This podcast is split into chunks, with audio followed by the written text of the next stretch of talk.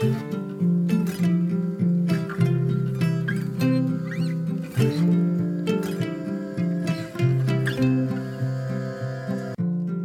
och välkommen till For Health med Anna Sparre. Idag blir det ett avsnitt om att behandla med örter, probiotika och kost, prebiotika. Idag får du lyssna på Dr. David Brady, en riktig kändis inom funktionsmedicin och nutrition, särskilt när det kommer till tarmfloran och dess koppling till hälsa och sjukdom. Om du gillar det här avsnittet blir jag jätteglad om du vill dela det på Facebook, Instagram eller till en vän. Och gå in och lämna din recension i iTunes. Tack på förhand! Jag påminner dig om att det bästa från podcasten finns i skriftligt format som e-böcker.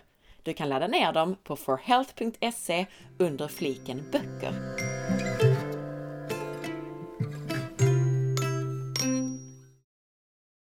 Idag blir det alltså ett avsnitt där du får vara med och lyssna in på delar av en kurs om tarmflora och avföringstester som David Brady höll för läkare och terapeuter. Idag blir det ett kort avsnitt som handlar om att behandla tarmen med örter istället för att behandla autoimmunitet med starka immunreglerande läkemedel.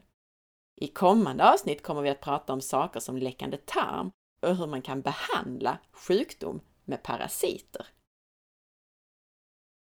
David Brady berättar om hur han i första hand försöker undvika antibiotika och istället använda örtpreparat. Och han ger exempel på örtpreparat som kan användas enskilt eller i kombination. Fördelen med många örtpreparat är att de är effektivare på att ta död på patogena, sjukdomsframkallande mikrober än på din goda tarmflora. Antibiotika å andra sidan kan jämföras med en atombomb som tar död på allt. Under en behandling används i regel antimikrobiella preparat på tom mage före en måltid, medan probiotika ska tas så långt ifrån örtpreparat som möjligt vid en annan tidpunkt på dagen. We tend to try to stay away from prescriptive antibiotics whenever possible because the analogy I give is if you have an ant hill in your backyard and you want to get it out of your, you know, lawn, you wouldn't detonate a nuclear device, right? You would use something more appropriate to the job that needs to be done. So rather than use even a locally GI locally acting antibiotic like we have Xifaxan, rifaximin, things like that, they tend to obliterate all your normal commensal flora, right? And they're sometimes not really as good at getting to the opportunist and some of the pathogens. A lot of the botanical medicines that have been used um, through the traditions of various forms of medicine, whether traditional Chinese medicine, Ayurvedic medicine, South American medicine, Native American medicine, old European eclectic herbology, they've kind of congregated on the same kind of types of herbs with certain alkaloid profiles in them to be antimicrobials. And these are some of them listed here. So, this is a formulation I put together uh, quite a few years ago but you can see it like things like artemisia, uh, high berberine content herbs like Berberis aquifolius, Berberis vulgaris, uh, Arctostaphylos uva ursi, um, grapefruit or citrus seed extract, uh, caprylic acid in the form of magnesium caprylate, um, Juglans nigra or black walnut, uh, which is one of the common names, probably most known as an antiparasitic, but it's um, and an anti um, fungal, but it's a good antibacterial as well. But this is an anti- a natural, wide spectrum antimicrobial. It can be used in bacterial, fungal, and even parasitic infections, particularly smaller parasites like protozoa. And it can be very, very effective at doing so. One of the botanicals in here may be something you're not used to seeing in an antimicrobial formula for the GI tract, and it's Tribulus terrestris. In Western herbology, Tribulus tends to be used for things like libido and and things like that because there were some studies at one point out of Bulgaria again um, showing that Tribulus can increase endogenous testosterone production a little bit. It can a little bit. It's not really that good at doing that, honestly. It takes a lot of Tribulus for a little bit of extra testosterone. There's easier ways to do it, but um, what it is really good at is it's a great antimicrobial, and it's used in that way in other forms of medicine, like in Asian medicine and so forth. So, um, tribulus is not used much like that in the West, but when we were doing a lot of um, culture and sensitivity type of testing just to figure out these formulas. Tribulus, uh, we had seen it in the literature um, as an antimicrobial, and uh, it worked great. So, on, on, serial assessment over large batches of tests, uh, we decided to actually make that the premium botanical in here. So you can find these herbs, you can find formulas that may be constructed like this, um, but these are very effective because what's interesting about these kind of botanicals particularly if they're high quality ones and they're standardized and you know what you're dealing with, is it takes less dose of these to kill the pathogens and the opportunists than it does to kill the beneficial commensals. That's why they're so effective. The antibiotic prescriptive agents don't have that type of um, um, selectivity to them. So that's why these herbs have been selected through many, many, many years of empirical just trial and error um, they work because they don't obliterate the good ones and they go after the ones you don't want there very effectively. They work individually as well, but I, I find the combinations work better because you're hitting wider spectrums of things. So it's like using a broad spectrum antibiotic, but yet all of these things tend to be relatively sparing of the commensal good bacteria. Not totally, right? But relatively so. Like for this formulation, if I'm treating an adult, let's say a 150 pound adult or so, I might be using two capsules of something like this, two to three capsules, anywhere from two to four times a day, okay, away from meals, on an empty stomach. I tend to use the antimicrobials away from meals because if you dilute them in the food mass, you don't get the same antimicrobial effect. At the same time, we're giving or during the same sequence, we're giving probiotics, but we're not giving them at the same time as we give the antimicrobial. We give the probiotics a couple of times a day with meals. So we use a you know a multi-strain sort of high potency probiotic maybe twice a day with a larger meal, maybe with breakfast and dinner. Um, and then we use the antimicrobial several times throughout the day on an empty stomach if possible. And we can do that anywhere from two weeks to four weeks. I've done it for six weeks in larger, more pathogenic organisms. Like if I'm trying to go after parasitic organisms, the patient does not want to use an antiparasitic medication, then I tell them, okay, well, we're going to have to dose heavier, we're going to have to do it longer. And then if you want me to use natural agents to go after a parasite like a helminth, then I you need to tell me right now you consent to me retesting because I need to find out that I got it. All right. Otherwise, you're getting Metro or something that I know is just right, going to bomb everything. And in addition to those botanicals, though, in addition, I use a separate oil of oregano or some sort of volatile oil because it's really like hitting two different spectrums. The botanicals do one and the volatile oils do the other, and they work great in combination with one another. You really can't mix them because most of the botanicals are going to be dry powder in a capsule, and the volatile oils are oils, right? So if they do an, an oil to powder and put a little bit of oregano oil powder or something in one of those encapsulated products, it's not going to be enough. It's not going to work well. So we use a separate oil of oregano. So I, I give basically like two capsules or three if it's a like a big guy like me, and two of these little oil of oregano soft gels. Sometimes, if you use a volatile oil on an empty stomach, if they have gastritis or ulcers or something, then I don't do that because it can irritate them. Right. So if someone is getting a little bit of stomach irritation from using the, the volatile oil like oil of oregano on an empty stomach, then you have to have them take it with a little bit of food or lower the dose or just kind of dial it in. Brady berättar om kostens inverkan på tarmfloran. Now, it's no coincidence that if you look at the populations and the cultures around the world that eat the spiciest foods, the most pungent foods, they have the least amount of aberrations in the GI microbiota. They have the least amount of autoimmune diseases, mm-hmm. right? They've worked all these foods into their cultural cuisine, not because they tasted good initially, but because they were medicine, right? So your anti-inflammatory botanicals, your antimicrobial botanicals, they're highly pungent. They're full of alkaloids. They're not the most pleasant tasting substances. You know, someone didn't just dig up a garlic thing eat it like an apple. Say, wow, this stuff's great. I got to get more of this, right? It's not like candy, right? Humans love sweet, right? Because we know it's calorie packed. Pungent, not as much, but people learned. They got used to it. They learned how to work with it in cuisine, right? But it was food as medicine. So it's no, it, it's really not a stretch that now that we think of these things as spices mainly to jazz up our food, it's really medicine, right? It's traditional medicine. So even look at this ter- use of turmeric uh, as an oral supplementation in treating autoimmune nephritis, and it actually favorably alternating, uh, alt- altering their proteinuria and hematuria and so forth. Brady berättar om probiotika och vikten av kost och prebiotika för att påverka tarmfloran. I, I always like to point out that probiotics, I think everyone thinks of them incorrectly. And we think of them very simplistically. When you think of organisms like lactobacillus, bifidobacteria, and all that, you take your probiotic.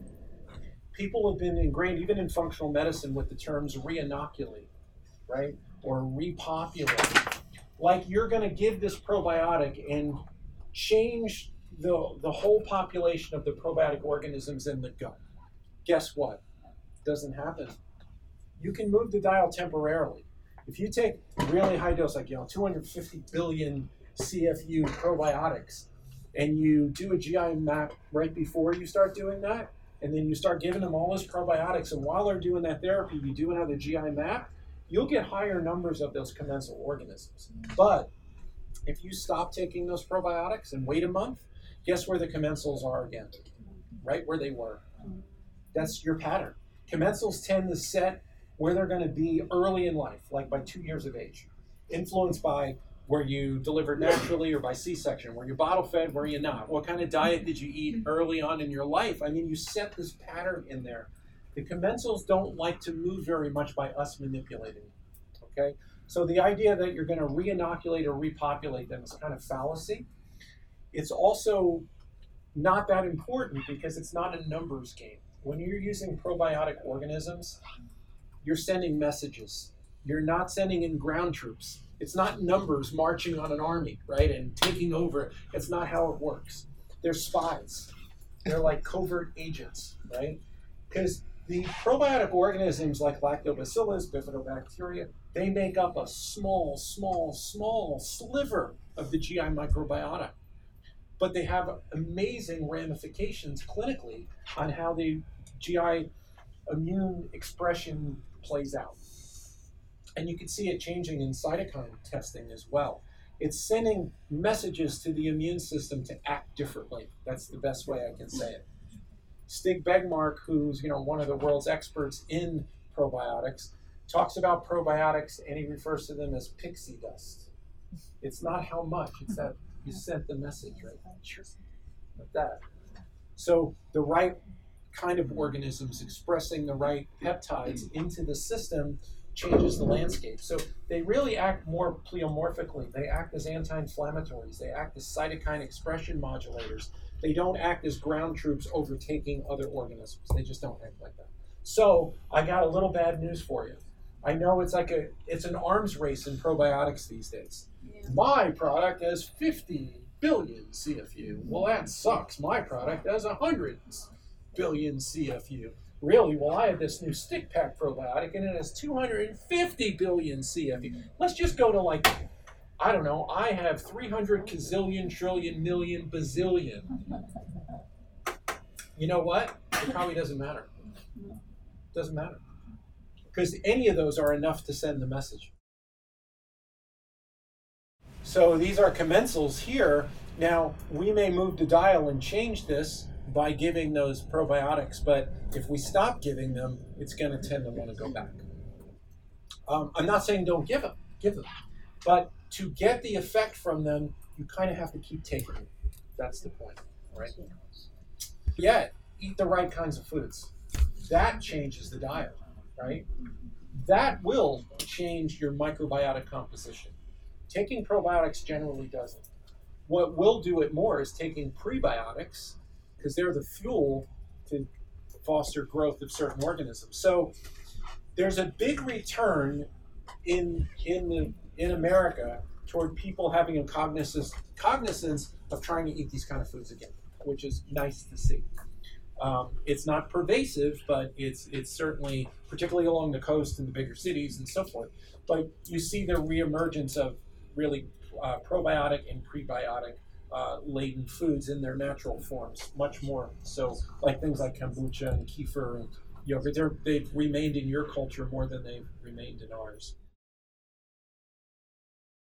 Dietary alteration of the GI microbiome uh, has massive ramifications on various disease states, including obesity. So, keeping a good body composition uh, can be altered by eating the right foods that alter the GI microbiome in the right way. When you eat a lot of processed foods, you eat a lot of foods um, that are sort of more modern iterations of food, whatever that is, um, you tend to get changes in that Firmicutes Bacteroidetes ratio because it feeds different types of um, the substrates that you're eating are feeding different types of bacteria. And when your Firmicutes goes up and your Bacteroidetes goes down, those Firmicutes organisms are more efficient at breaking down starches and fibers and pulling calories out of them. You pull more calories out of them because they're breaking those down to a larger degree.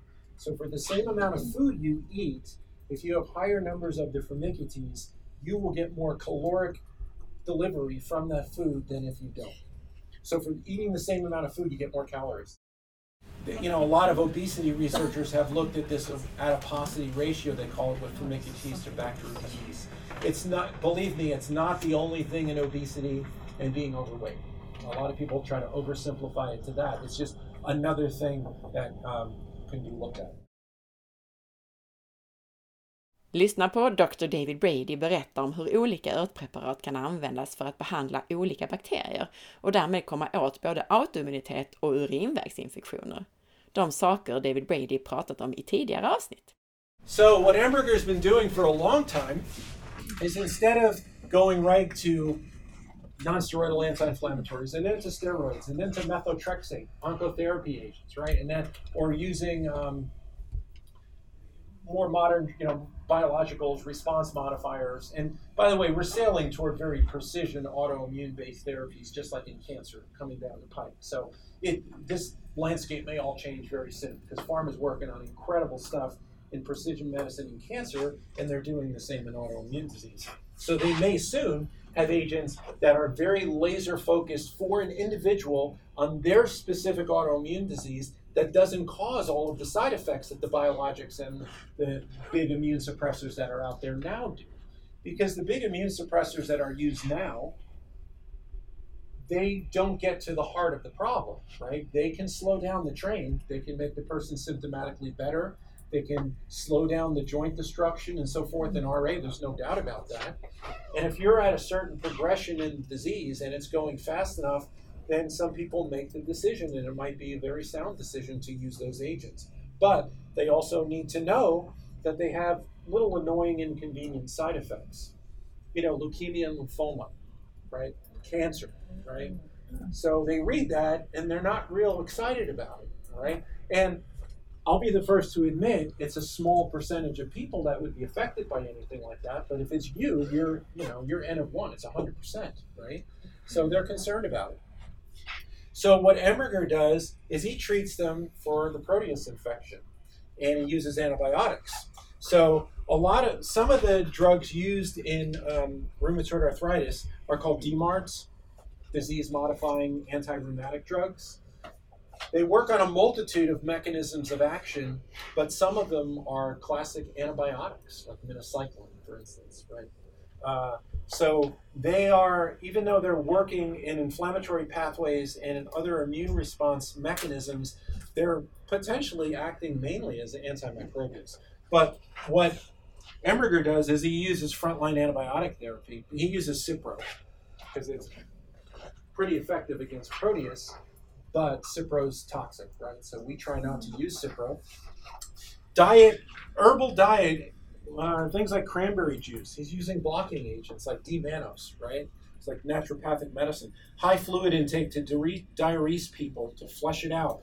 Urine acidification with high dose vitamin C. This guy's like a naturopath, right? Mm-hmm. Diuresing them, vitamin C, changing the pH of the urinary tract, using blocking agents to block antigen antibody complex formation, and can use antibiotics. So, you know, we use natural agents. This is a product I had formulated years ago for doing this kind of thing for either chronic urinary tract infections or for things like um, Proteus and RA.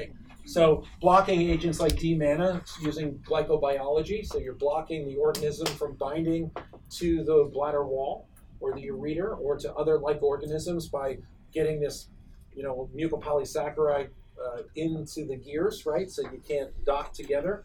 Um, botanicals that are classically blocking agents and antimicrobial, like Arctostaphylos uva ursi, hibiscus, or Urtica dioica, uh, or uh, nettles, aloe vera, uh, parsley, horsetail. Those are all just great urinary tract herbs, and we use them in a standardized way if, if whenever possible. And for more intense applications, either initially in the front end of therapy in something like RA or in a urinary tract infection, this is just a powder or these chewable like sublingual tablets with high dose D-mannose and cranberry with the specific lectins that are the blocking agents. We also sometimes will use silver, um, and we use a water clustered silver, not a. It's not a colloidal silver. It's a it's an H2O bound water clustered silver called a silver sol is the actual material. Um, I use a product called Silvercillin. And it's not I'm not sure it's over here. It's in the Designs for Health line, but um, it's the kind of sil- silver that they put in all the burn dressings and lay on people with burns to stop them from getting the um, bacterial infections in the burn in the wounds. So it's not toxic. It's not accumulating in the body. It's very very safe but it's highly antimicrobial, including against resistant infections like MRSA and E. coli and so forth. So we'll use a, a just a liquid, like a tablespoon, um, a couple of times a day. Uh, and by the way, pharma's putting silver back into antibiotics now as one mechanism to get around antibiotic resistance. They can't develop new classes of antibiotics fast enough to stay ahead of the bacterial modifications genomic changes in reaction to them. So they're going back old school and they're putting silver in the antibiotics because there's a synergistic relationship and they work better together than either do separately. Kind of pretty cool stuff. So this is just that kind of silver material I was telling you about.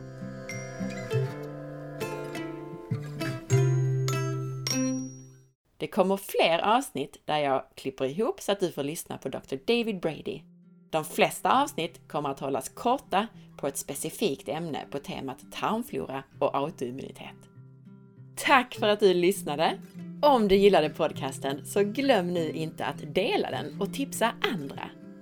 Missa inte heller att följa med på facebook.com forhealth.se och på Instagram via asparre. Ha nu en riktigt fin dag så hörs vi snart igen. Hejdå!